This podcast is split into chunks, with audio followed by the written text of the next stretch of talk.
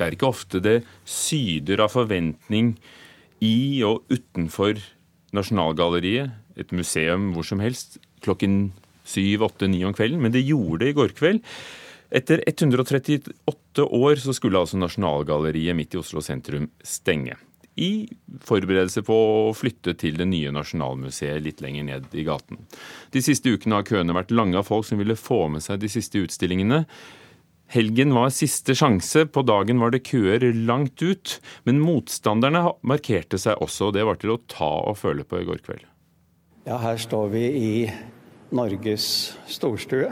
Jeg skjønner ikke det som skjer, at vi klarer å, å løsrive oss fra kulturarven vår på den måten. For bygningene også klart en del av det hele. Det er rammen om all kunsten, og det har det vært i generasjoner. Rederarvingen, milliardæren og kunstelskeren Petter Olsen er tydelig preget der han står midt i Nasjonalgalleriet og prøver å forklare hvorfor han mener det er feil at Nasjonalgalleriet skal stenge sine dører i kveld. Ja, det føles veldig sterkt. Jeg skulle ønske barna mine kunne gått enda en gang med barna mine. Det vil ikke være mulig. For i kveld er den aller siste kvelden noensinne man kan se mesterverkene av norske malerier og skulpturer fra 1800-tallet som Munch, Dahl, Tidemann, Gude, Bakker og Krogh i akkurat disse lokalene. Det har mange fått med seg, og de vanligvis så rolige salene summer av folk. 25 000 publikummere bare siden nyttår, og sikkert et par tusen her i kveld. Her er unge og gamle, kjente og ukjente. En spesiell kveld, mener teaterregissør Kjersti Horn. Det er jo veldig rart, da. Det er på en måte sånn magisk å være her nå. på en måte. Det blir sikkert fint det nye òg, men man vil jo få med seg akkurat den siste kvelden her. I 138 år har det hengt kunst på veggene i dette nye renessansebygget. Og i de vel 80 siste årene har det vært intense diskusjoner rundt hele sju arkitektkonkurranser for å utvide eller bygge nytt museum. Det har vært en politisk dragkamp om penger og tomtevalg. Og selv i kveld, den aller siste kvelden museet er åpent, før kunsten skal på flyttefot og gjenoppstå i et nytt nasjonalgalleri til 6 milliarder kroner i 2020, mener Petter Olsen det ikke er en god idé. Det er, det er som om man ikke vil at vi skal være et folk og ha en storstue og en, en arv. Vi er et urfolk, vi også. Kunstverden og kulturverden, det der skal være litt rabeller når det skjer endringer. Det er helt naturlig. Slik parerer direktør for Nasjonalgalleriet Karin Hinslo kritikken. Smilet blid rusler hun rundt blant maleriene og minner om hvorfor kunsten skal på flyttefot. Nå er det jo viktig å tenke på hvorfor man bygger et nytt kunstmuseum og investerer egentlig såpass øh, mange skattekroner i det, det er jo for å være sikker på at det er et godt sted for forvaltning og forvisning av kunst i mange hundre år fremover. Også tidligere kulturminister Åse Kleveland valgte å bruke denne spesielle søndag kvelden på Nasjonalgalleriet. Hun tror bygget går spennende tider i møte. Altså, dette er jo bare slutten på begynnelsen, holdt jeg på å si. Dette, det er klart at det kommer til å åpne igjen, og det kommer til å være kunst fremover her også. Det er eh, jeg er helt sikker på. Klokken tikker mot 21 og stengetid. Utenfor spilles det opp til en liten demonstrasjon av de som fortsatt motsetter seg at samlingen skal flyttes.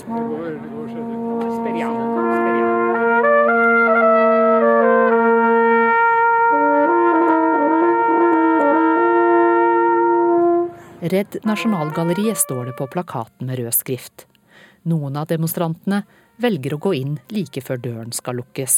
Nei, nå må vi være tid å gå hjem for i dag. Nå skal vi stenge museet. Det er mange vakter som har jobba nå siden klokka var 11 i dag, og veldig gjerne vil hjem. Jeg vil bli båret ut. Det er nå det begynner. Når de siste har kommet seg ut, er klokken blitt 21.17, og nøklene vris om for siste gang.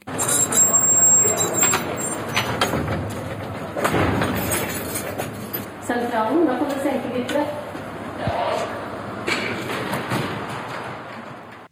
Reporter Anja Strønen og Marianne Rustad Karlsen, vår reporter var der og gjorde intervjuene i går kveld. Og der var også kulturkommentator Agnes Moxnes.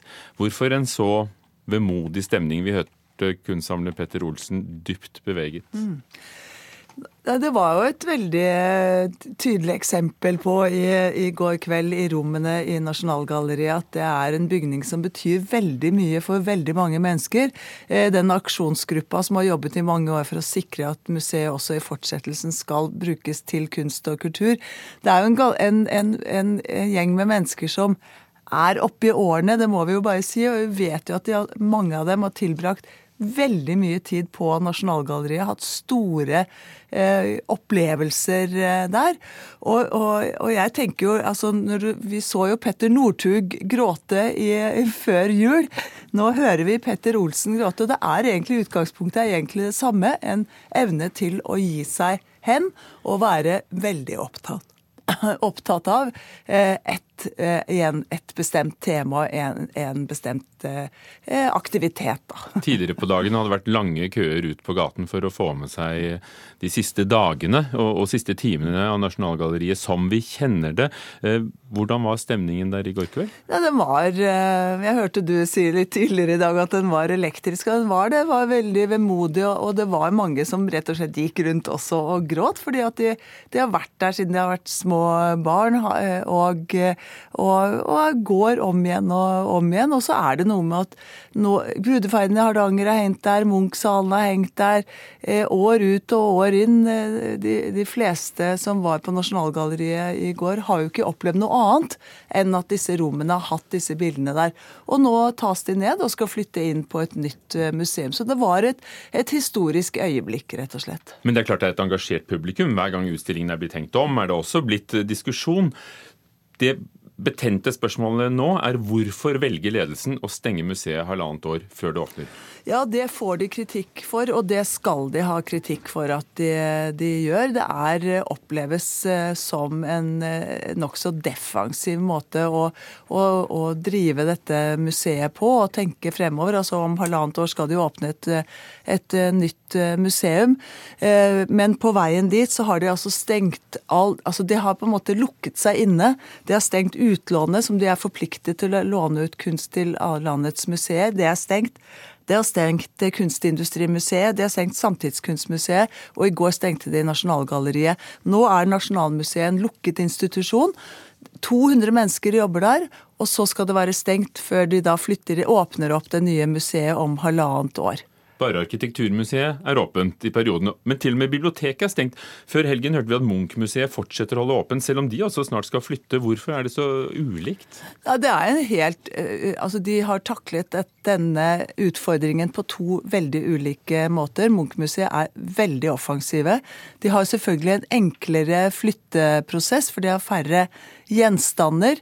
Eh, men eh, måten å tenke på er helt, helt annerledes. Og jeg må si at her går Munch-museet av med seieren, sett fra et publikums eh, synsvinkel. Så er det vedtatt, som også Kleveland var inne på i reportasjen, at Nasjonalgalleriet skal på en eller annen måte brukes til kunst. Hva skjer med dette huset videre? Det, forrige uke, vel, altså 1.1, så ble det ansatt en person som skal sitte og nå finne ut hvordan, i samarbeid med, med Sparebankstiftelsen DNB, og jobbe frem en plan for hvordan Nasjonalgalleriet skal brukes i fremtiden. Og, og, og, det ligger i kortene at det skal brukes til kunst. Og det er vel den viktigste seieren til denne aksjonsgruppa som, som sørget i går. Det er jo nettopp det at dette museet ikke skal bli forelesningssal eller, eller en, en domstol. Det skal også i fortsettelsen være et sted hvor det vises kunst. For det var jo noen av forslagene det du nevnte. Takk skal du ha, Agnes Moxnes, kulturkommentator.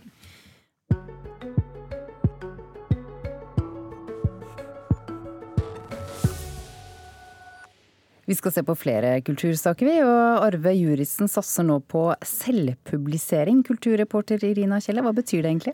Ja, Arve Juritzen eh, han solgte jo forrige uke forlaget sitt Juritzen forlag til Petter Stordalen. Han forteller nå til Klassekampen da om hans store planer for sitt eget selvpubliseringsforlag. Han har investert pengene fra salget av Juritzen forlag i Kolofon forlag, som han har eid da siden 2014. Så hva går dette forslaget ut på? Altså det, her, det ligger jo litt i navnet selvpublisering. Det er altså et forlag som hjelper folk som vil gi ut bøkene sine selv. Eh, noe som betyr at forfatteren selv står ansvarlig for innholdet i boka eh, og for den økonomiske risikoen, mens forlaget hjelper til med trykk, distribusjon og markedsføring. Så det er jo altså et alternativ til å, til å gi ut eh, bok på eget forlag. Forfatteren beholder da også inntektene fra boksalget. Og vi kan jo nevne da at de to bestselgende forfatterne hos Kolofon forlag så langt. Det er Johan Galtung og Hege Storhaug, skriver Klassekampen. Ja, folk med sterke meninger.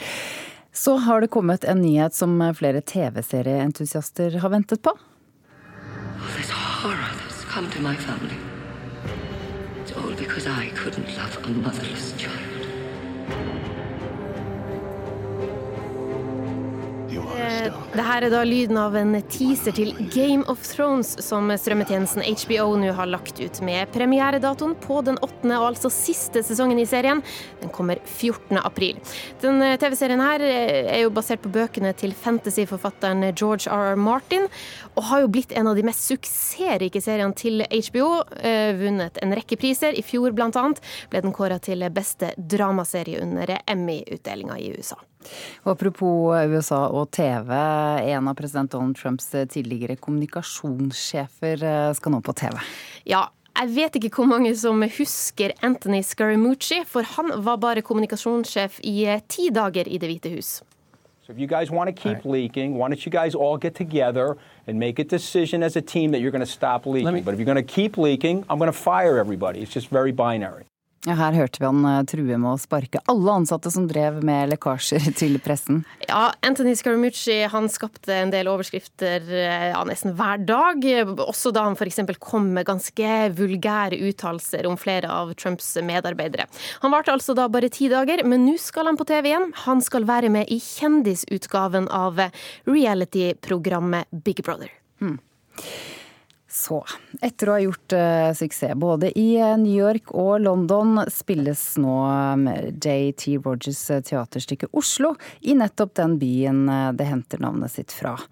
Stykket baserer seg på historien om Oslo-prosessen i 1993 og har vunnet flere priser siden premieren i 2016. Nå spilles det ved Det Norske Teatret. Vi skal høre et utdrag. Hva faen var det der? Uff! Jeg, eh, jeg veit ikke, jeg må ha rota med tidssone. Det skulle ringe mye seinere. Hvem var det du snakka med? Den israelske regjeringa og PLO. Hæ? Ja, jeg beklager virkelig. Jeg skulle fortelle dere om dette før dere ringte. Jeg beklager virkelig. Hva er dette her? Hva faen er det som skjer? Teaterstykket Oslo hadde altså norgespremiere ved Det Norske Teatret i helgen. Eh, teaterkritiker Karen eh, Frøsland Nystøl, Forklar litt mer hva det var vi hørte her. Ja, her hørte vi fra ganske tidlig i stykket. Terje Rød Larsen og Mona Juel har invitert Johan Jørgen Holst med kone til middag. Og det er kvelden før Holstad blir utenriksminister. Så ringer to telefoner. Den ene er fra den israelske regjeringa, den andre fra PLO. Og de starter en slags sånn forhandlinger i middagsselskapet. Og dette er selvfølgelig regissert av Terje Rød Larsen, mens Johan Jørgen Holst får jo helt hetta og skjønner ikke hva det er som skjer. Så der får han, seg, han får seg en, en, god overraskelse. Ja, dette er altså teaterstykket om de hemmelige fredsforhandlingene mellom PLO og Israel i 1993. Lærte du noe av å se dette? Ja, lærte og lærte. Krig er, eller fred er komplekst. Eh, men det viktigste her er egentlig å huske at dette teaterstykket er fiksjon. Um, i, i, USA så har det blitt presentert som den sanne historien om Mona Juel og Terje Rød Larsen sitt arbeid for å skape fred i Midtøsten, skape dialog mellom PLO og Israel. Men det er å bli fiksjon uansett, selv om det er basert på en virkelig hendelse. Så det er jo det er historien om en fredsprosess, og fiksjonen er på en måte det verktøyet vi trenger for å stille oss sjøl de spørsmålene som forestillinga reiser, som er hva var det egentlig som skjedde, og mm. var dette klokt? Og da er fiksjon vårt verktøy til å gå i mm. gang og tenke på det. Ja, det har kommet kritikk både fra forskere og andre. Hva handler kritikken om, og har de rett? Kritikken handler jo bl.a. om at dette er historien om helten Terje Rød Larsen og ingen andre enn han.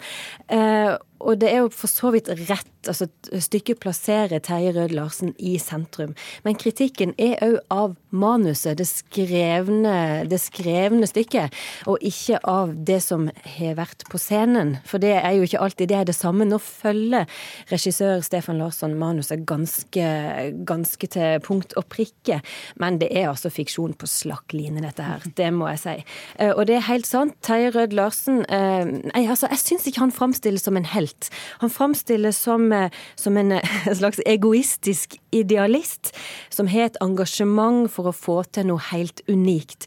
Og stykket står og faller egentlig med Preben Hodleland, som spiller Terje Rød Larsen. Eh, og han er god på å spille uangripelige karakterer. Det gjorde han senest i Macbeth ved Det Norske Teatret. En karakter som skaper uro, som skaper spørsmål hos publikum etterpå. Og det at Terje Rød Larsen er sånn, det, det redder egentlig dette stykket her. Ja, Så ble det da til slutt et godt uh, teaterstykke, syns du? Jeg syns det ble et langt teaterstykke. Det, var, det er interessant, men det er tre timer langt langt, og det spilles på en hovedscene, en stor scene. Jeg tror et eh, mindre format ville passa disse forhandlingssituasjonene bedre. Det er gode roller. Geir Kvarme gjør en fantastisk eh, israelsk forhandler. Men det er klart, når man spiller ut masse politiske forhandlingssituasjoner, så blir det mange statiske gester i kroppsspråk og ting som burde vært gjort noe med. Jeg savner en motivasjon òg i stykket for, for hvorfor man egentlig vil skape fred. Jeg savner lidenskap for å få til denne freden. Og så innser jeg jo at fred er kompliserte saker. Ja, Tusen takk for at du kom til oss i Nyhetsmorgen, teaterkritiker Karen Frøsland Nystøyl. Og stykket er altså Oslo, på Det Norske Teatret i, i Oslo, av alle steder. Tyrkia har reagert på at eh, USA, dvs. Si eh, president Donald Trump på Twitter, som sedvanlig i går kveld, har truet med økonomiske sanksjoner. Ikke rart, valutaen liran har allerede falt i verdi. Vår korrespondent Sissel Wold er på plass i Istanbul, og vi hører fra henne rett etter eh, Dagsnytt. Og I dag starter prosedyrene i det som kalles giftdrapssaken i Kristiansand, der en 43 år gammel kvinne er tiltalt for å ha drept sin far og sin tidligere samboer. Vi følger også den saken.